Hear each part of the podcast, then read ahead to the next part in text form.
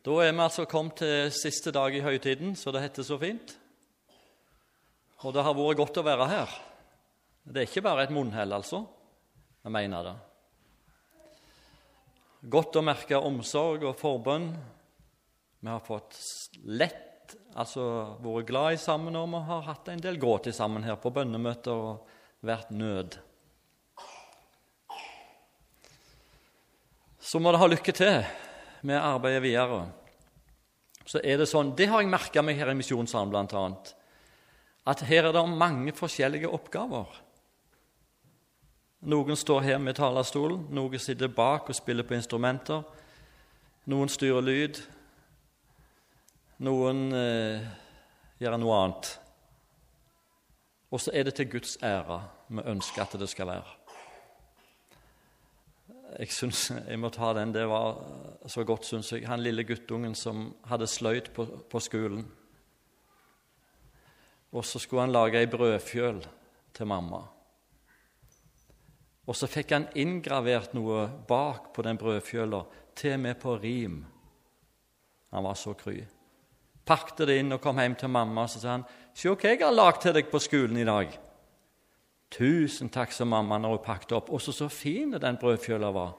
'Ja, så må du snu den', sa han. 'Se på baksida.'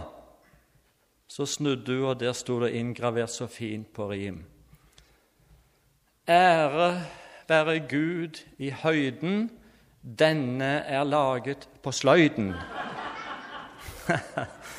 ja, den var nusselig. de kan det, de små. Før vi leser noe sammen her nå, så vil vi fortsette å snakke mer med Jesus. Kjære Jesus, takk at du er her. Takk for det du allerede har talt. I ditt navn ber vi, tal fortsatt. Vil du legge ord også på mine lepper? Og pass på at det bor i mitt eget hjerte òg. Tal og grip oss, vi ber i ditt navn. Amen.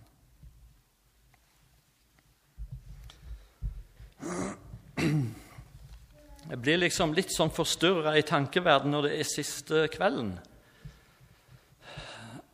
Skal jeg ta det eller det, liksom? Men så ender den til sjuende og sist opp med at jeg må snakke med Jesus. Vis meg, du. Og Nå skal vi lese et lite avsnitt fra Jakobs brev i kveld, kapittel 5. Og så må du høre etter, ikke la tankene fare hit og dit nå. Jakobs brev, kapittel 5, og vers 13 til 18. Lider noen blant dere ondt, la ham be. Er noen glad til sinns, la ham lovsynge. Er noen blant dere syk, la ham kalle til seg menighetens eldste, og de skal be for ham og salve ham med olje i Herrens navn og troens bønn skal hjelpe den syke, og Herren skal reise ham opp.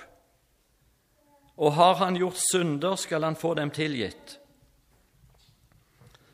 Bekjenn derfor deres synder for hverandre og be for hverandre, for at dere kan bli helbredet. Et rettferdig menneskes bønn har stor kraft og virkning. Elias var et menneske under samme kår som vi. Han ba inntrengende om at det ikke måtte regne, og i tre år og seks måneder regnet det ikke på jorden. Og han ba igjen, og himmelen gav regn, og jorden bar sin grøde.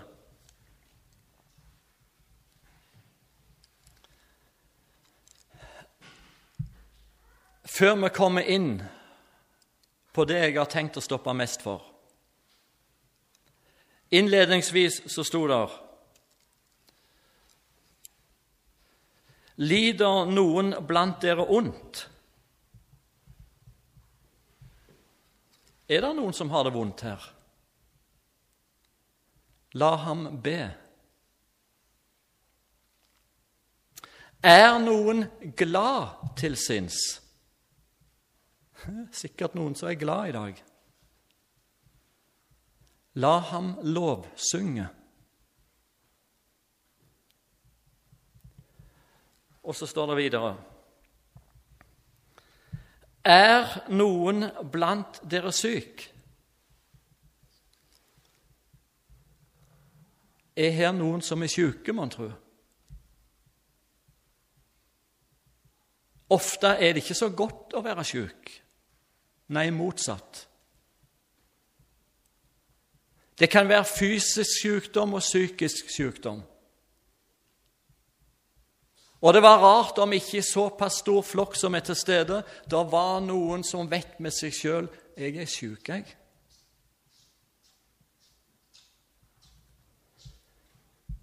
Hør videre.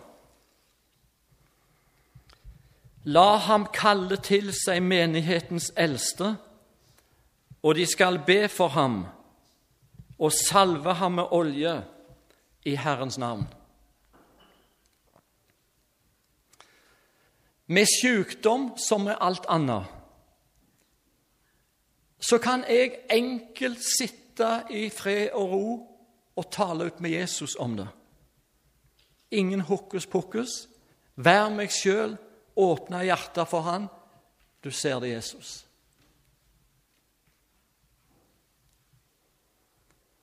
Jeg kan òg, hvis jeg kjenner noen, kalle til meg noen andre til og med noen, om jeg måtte vite det, som har helbredelsens nådegave. Det står om den nådegaven òg i Bibelen.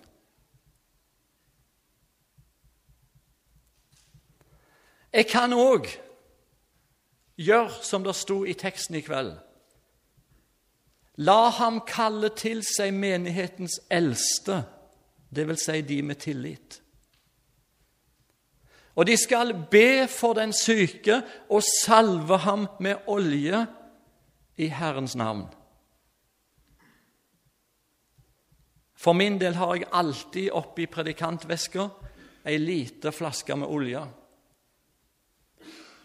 Den er ofte i bruk. Vi ber rett som det er for syke. Noen ganger tror jeg vi kan slå det fast nokså sikkert at eh, de ble friske. Til Guds ære. Noen med en gang, faktisk, og noen over lengre tid. Andre ble ikke friske. Og det var kanskje de fleste, dessverre.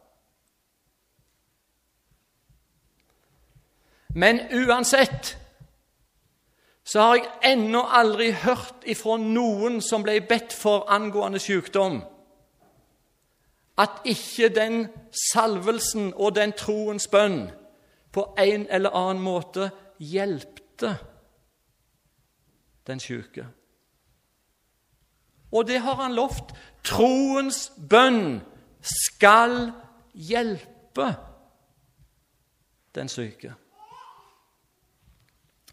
Jeg har merka i dag, som for en del år siden, og som kanskje alltid før, er det en del snakk om å be for syke og legemlige helbredelser i kristne sammenhenger. Det skrives om det i Dagen og Vårt Land og Norge i dag og en del andre kristne aviser og blader. Du må gjerne være uenig med meg det jeg skal si nå men jeg vil nevne det likevel. Du kan ta meg etter møtet, ikke før. For min del syns jeg at det der er et par spørsmål og et par grøfter ut ifra Bibelen som vi bør være oppmerksom på i den sammenheng. Kan hende ei grøft slik er at det aldri blir nevnt noe om legemlig helbredelse ut ifra Guds ord i våre sammenhenger. Da risikerer vi at det går mennesker omkring midt iblant oss og aldri får hørt noe om at Bibelen taler om det. Skal vi være tru mot Det nye testamentet spesielt, så må vi slå det fast det var svært mange av de mennesker som var i nød, som var i nød fordi de var syke og kom til Jesus med sykdommen. Jesus grep ofte inn, og noen ble både friske og frelst. Det hører med. Vi viker unna en del av helheten hvis det aldri tas fram. Og så syns jeg nok for min del da, at det er noe grøft på den andre sida òg. Det er noen røster, bl.a. i dag, som sier det slik at hvis du er sjuk, og du ber om å bli frisk Hvis du da ikke blir frisk, så er det noe gale med trua di. For det ene hvis det har vært vondt pga. sykdom før, så ble det enda verre nå. Når de fikk det òg å tenke på. Men hvis Guds ord som helhet talte om at slik var det, som de røstene sa, da måtte vi innrømme at det var slik. Men er det helheten i Guds ord når du tenker over akkurat dette temaet?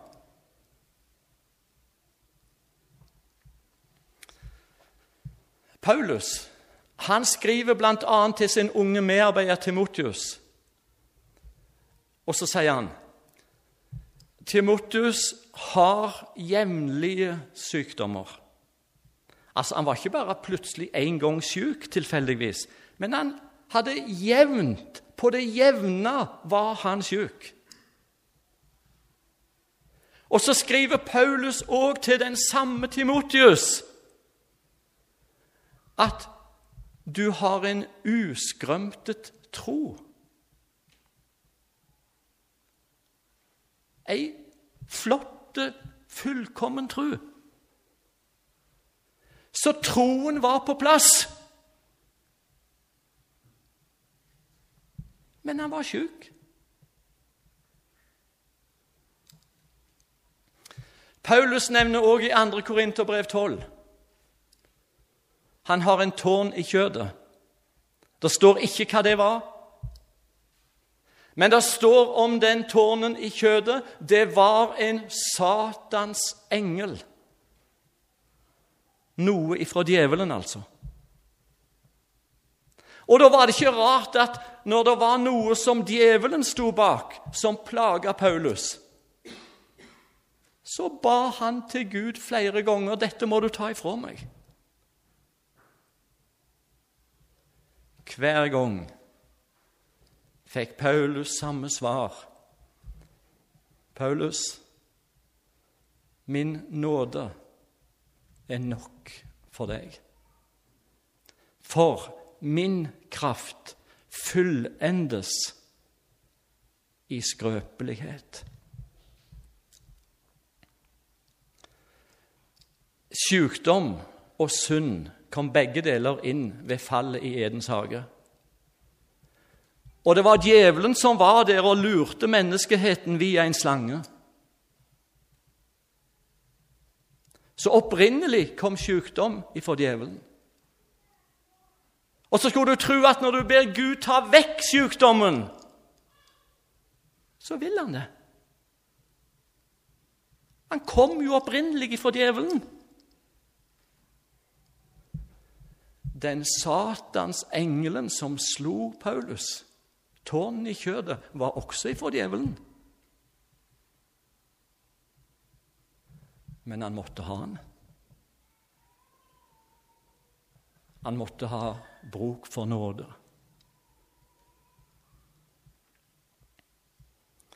Vi kunne brukt både én og to kvelder sikkert om dette, men det var ikke det som var hovedtanken for meg denne kvelden. Jeg måtte bare nevne det, siden det tales om dette i dette avsnittet. Lenger nede så leser vi det slik Et rettferdig menneskes bønn har stor kraft og virkning. Elias var et menneske under samme kår som vi. Han ba inntrengende om at det ikke måtte regne, og i tre år og seks måneder regnet det ikke på jorden. Og han ba igjen, og himmelen gav regn, og jorden bar sin grøde. Den linja Et rettferdig menneskes bønn har stor kraft og virkning. Hvis det er noen av oss i Guds øyne som er helt rettferdige,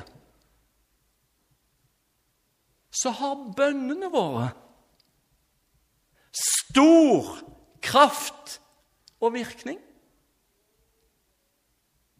Men så er det vel det motsatte noen hver av oss går og kjenner på. Jeg er det motsatte av å være rettferdig.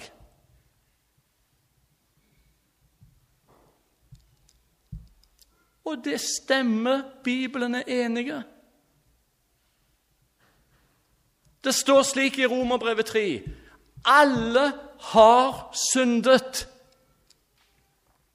og står uten ære for Gud. Alle. Alle er smått og stort, ung og gammel. Alle har syndet og står uten ære for Gud. Og fordi det er slik fatt, hør fortsettelsen Og de blir rettferdig gjort, uforskyldt av Hans nåde ved forløsningen i Kristus Jesus. Fordi vi er urettferdige og tvers igjennom syndige i vår natur. Så greip Gud inn. Og så ble vi rettferdig gjort. Vi ble gjort til det vi burde være, men ikke var. Tygg litt på det ordet. Del det gjerne i tre. Rett ferdig gjort. Altså gjort ferdig på rett måte. I Jesus Kristus! I Han dømmes jeg ikke skyldig. Jeg er gjort ferdig på rett måte til å møte Gud. Og hør Du og jeg som slik har kommet til Jesus og tigga om nåde om å bli frelst. Vi er altså i Guds øyne fullstendig reine like rene som Jesus og passe i himmelen for Jesus skyld. Og hør Et slikt også rettferdig menneskes bønn har stor kraft og virkning. Jeg vil tro at så sant du er frelst, og jeg, så ber vi. Vi leser både Bibelen, som noe av temaet var, og så snakker vi med Jesus og ber. Og så er det mange ting vi kan be om. Vi kan faktisk be om alt. Men jeg har merka meg, i tillegg til at jeg tigger Jesus om nåde for mitt eget liv, om å bli frelst og bevart, så er det noe spesielt som går igjen for enhver gjenfødt kristen, som er noe av nøden og bønnene som tyter fram hele tida. Vet du hva det er? Ja, vi merker det ikke minst på nyfrelste. Det kan gå bare noen sekunder og minutter etter de sjøl har møtt Jesus og blitt frelst. Og Så sitter du på sida av dem, så hører du mens de skjelver om leppene og tydelig er litt grepne og mener det, noen av dem. Kjære Jesus, takk at du tok imot meg. Men Jesus, vil du kalle på mamma og pappa? Vil du kalle på sønnen min og på datteren min? At de òg må bli frelst? Nøden for de andre tyter fram hos enhver gjenfødt kristen. Noe av det Paulus sier i Romerbrevet 10. Mitt hjertes ønske og min bønn til Gud for dem er at de må bli frelst. Så tror jeg at du sitter her, mor og far. Kanskje bestemor og bestefar til og med oldeforeldre. Akkurat nå, når vi taler om dette, så sitter du og tenker på akkurat noen i din familie som du ber for hver eneste dag. Du kjemper for dem, og om de måtte bli frelst. Hør, et rettferdig menneskes bønn har stor kraft og virkning. For min del har jeg merka i dette bønnelivet angående de andre må bli frelst, at det er to hovedhindringer, på en måte, som forstyrrer og vil ta mot ifra meg. Den ene går på mitt eget plan. Jeg kjenner på og ser på mitt eget liv. Og så er konklusjonen hadde du, Nils Kåre, hatt det annerledes og vært annerledes, så hadde de nok blitt frelst, de andre òg, som du ber for.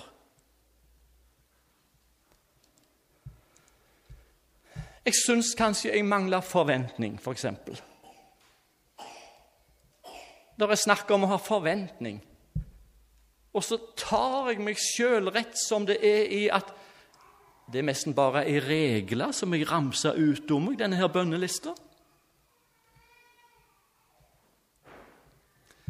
Og så kjenner jeg av og til på at hadde jeg vært litt mer åndelig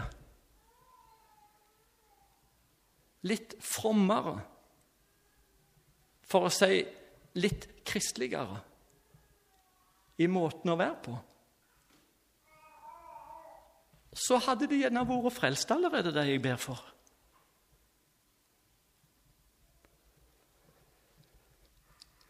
Og jeg kan miste motet av det. Og så sto det i teksten i kveld om en som heter Elias, og han var en profet. Og han ba at det ikke måtte regne, og så regna det ikke. Så gikk det to-tre år, og så ba han at det måtte regne igjen, og så regna det. Han fikk akkurat det han ba om, han. Og så kommer tanken ja, men det var jo ikke rart, det. Han var jo profet, han. Jeg, stakkars stumperen, jeg er ikke verken det ene eller det andre. Hadde jeg ennå vært profet som han? Så står det om Elias han var et menneske under samme kår som vi. Og så er det noe som har kommet til meg og gitt meg trøst og utfrielse når forstyrrende tanker kommer. For jeg har funnet i Bibelen nemlig, og da kan jeg stole på det når jeg kommer fram foran far og ber nå må du kalle på dem at de må bli frelst, skal jeg slippe å komme fram i mitt eget navn og i min egen person.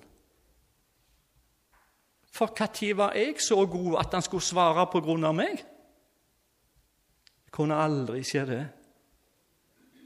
Nei, nå står det så klart mange ganger i Bibelen at jeg kommer fram foran Far i en annen person. Far, i Jesu navn. For Jesus skyld, far, hør. Og så finner han far ingen feil og lyter og urenheter på Jesus. Han er ren. For Jesus skyld. Det siles liksom vekk, det stygge. Så når det fars hjerte. Det er andre områder som jeg merker forstyrrer meg i dette bønnelivet, det er når jeg ser på de jeg ber for. Jeg treffer jo noen av dem. For det kan være noen i familien. Det kan være noen naboer. Og faktisk for min del så kan det dumpes borti for meg noen av de som jeg gikk på videregående gymnaset med for mange år siden. Jeg ble frelst når jeg begynte siste året på Bryne, på gymnaset. Og det var sjokk for mange at jeg var blitt frelst. Og det skjønner jeg godt. Og så er det noen av de jeg har, for å si det på rogalandsk, putla og bedt for i mange år etterpå. Og så Av og til når du treffer dem, kanskje tilfeldig eller ved en annen anledning, så er du litt spent på om man, man tror de nærmer seg litt. Er det noe som har virka på dem? Så skal du ikke snakke lenge med dem, så hører du de banne og steike akkurat som før. Og for ikke snakke om de i familien og naboene som du treffer oftere. De ser du på i deres livsførsel, kanskje. Ingenting som tyder på at de er kalt av Gud. Og så har jeg bedt for dem i mange år. Er du her i kveld? Du har noen, du òg. Det virker så håpløst. Jeg har tenkt på det. Jeg har ennå aldri møtt en som ble frelst, som har sagt det til meg eller noen andre én time før de overgav seg til Gud. Du, om én time nå så skal jeg bli en kristen. Nei, vi visste ingenting liksom før det var skjedd. For de holdt maska helt til siste sekund. Og kan hende noen av dem når de merker at Guds ånd var der og varma dem opp, så gjorde de seg ekstra harde i dystra, så ikke vi skulle fatte mot.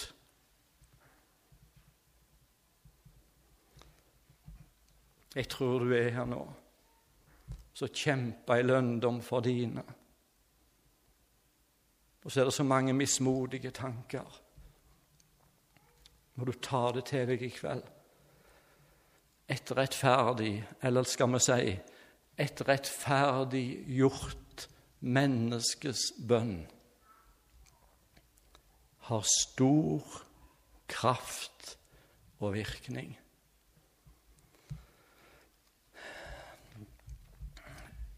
Satt og tenkte på det her en dag når jeg var her i Sandnes, på rommet mitt. Faktisk så kjenner jeg opp til en del, flere stykk altså, som overgav seg til Gud etter foreldrene var gått i grav. Det var foreldre som hadde bedt for dem, hatt de framme til forbønn også på våre møter. Så er ikke foreldrene her lenger. Og i etterkant så kom Jesus så nær at de måtte bøye seg. Det skal bli litt av en gjensynsfest her hjemme, du. Når bønnebarna er på samme festen. Kanskje noen av dine òg. Akkurat det jeg snakker om i kveld, det har vært litt nært og personlig for meg og vår familie i det siste. Jeg har lov å si det.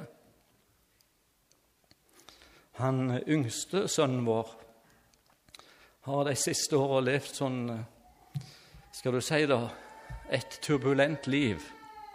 Et turbulent liv. Aldri vært på noe kristelig, liksom. Tvert imot ofte kanskje noe av det motsatte. Og det har satt visse spor i livet. Og så er det jo sånn at um, vi ønsker jo at uh, de skal bli frelst, alle sammen.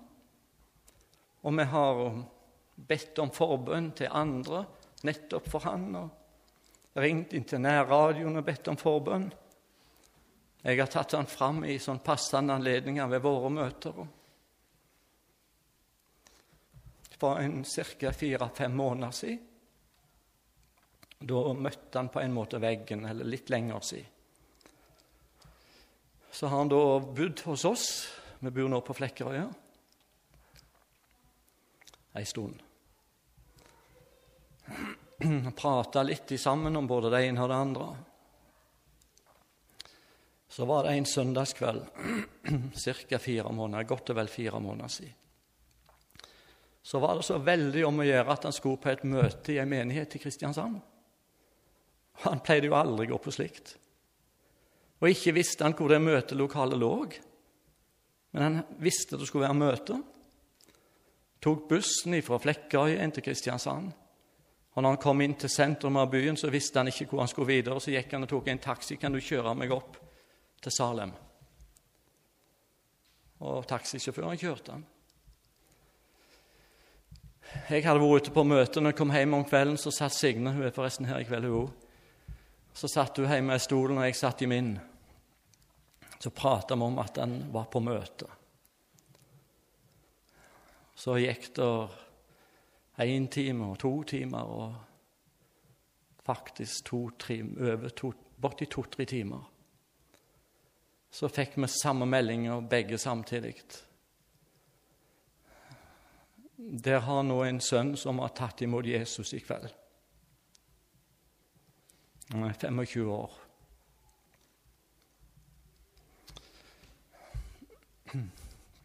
Det ser ut til at Jesus har tatt seg av ham. Og i ettertid så viste det seg Dette var en søndagskveld. Fredag eller lørdag på Ansgar bibelskole i Kristiansand han hadde noen i familien som han kjente, som gikk der. Så hadde hun gått fram og bedt om forbønn nettopp for han. Be for han denne helga. Sagt litt hva det gjaldt. Og hele den helga var omtrent hele elevflokken på bibelskolen i forbønn. Mange rettferdige menneskers bønner steg opp. Og halvannet døgn etterpå så var han klar. Aner vi noe av hva for noen krefter vi rører med i bønnens verden? Du, jeg, privat i forsamlingen. til slutt. Kanskje du òg har funnet veien til dette møtet som ikke bekjenner deg som en kristen. Ufrelst. Jeg tror nok skulle du vært ærlig og vrengt innsida ut, så måtte du òg kanskje innrømme at du ber til Gud av og til. Forskjellige kinkige situasjoner. Men å innrømme det er ikke så enkelt. Men uansett så er det ei bønn du aldri til nå har tørt deg ut på. Og det er denne. Herre Jesus, frels. Ta imot meg. Tenk om du tok det skrittet i kveld. Så ble du et Guds barn. Så ble du en himmelborger. og så fikk du være med på festen. Men uten Jesus så er det grunnen ingen trøst å gi til deg. Det blir katastrofe, og det gjelder i evighet. Det er sant. Jeg skulle ønske mange ganger jeg slapp å si det. Men da føler jeg at det er en så feig at en ikke tør å si det Bibelen sier. Er du her i kveld, så må du for alt i verden ikke gå med uoppgjort sak med Gud. Kom i kveld, du, og be om nåde.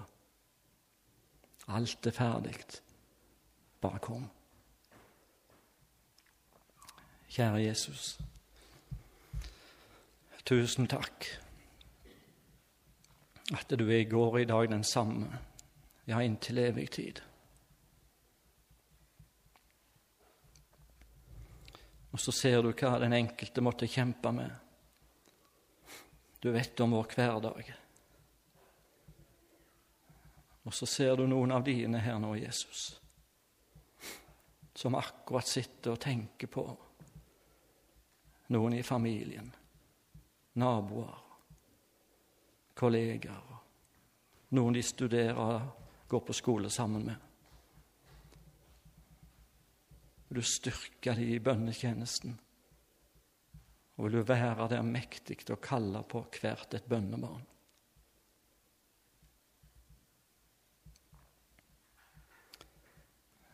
Jeg føler på at det blir galt hvis jeg ikke gir anledning i kveld. Er du her, kristne bror og søster, som akkurat nå sitter og kjenner på en trang til at vi skulle bedt sammen for noen som du kjemper for? Så er vi på en måte i et bedehus, ikke bare et preikehus. Og så vil vi gjerne hjelpe hverandre. Hvis du ville si det høyt, så må du gjerne det hvis du vurderer at det blir rett for deg å si det høyt. Og eh, så skal vi be konkret for de du nevner. Og hvis du ikke vil si det høyt, så kunne du rekke opp hånda di, og så skal vi be Jesus gå til de du tenker på nå. Så skal vi be for dem. Er det noen som bare vær frimodig nå? Ja. Å ja. Ja. Ja. Ja.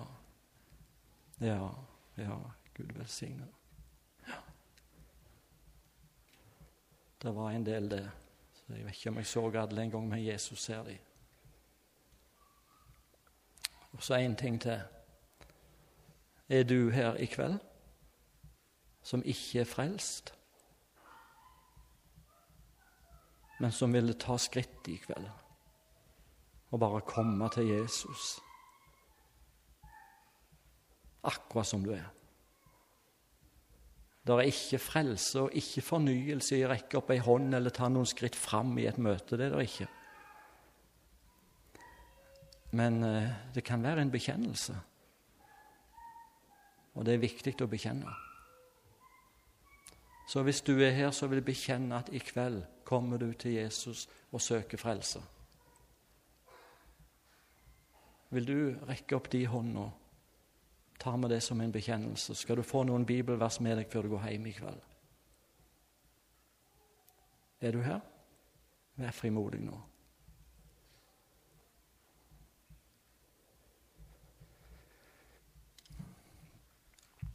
Kjære Jesus.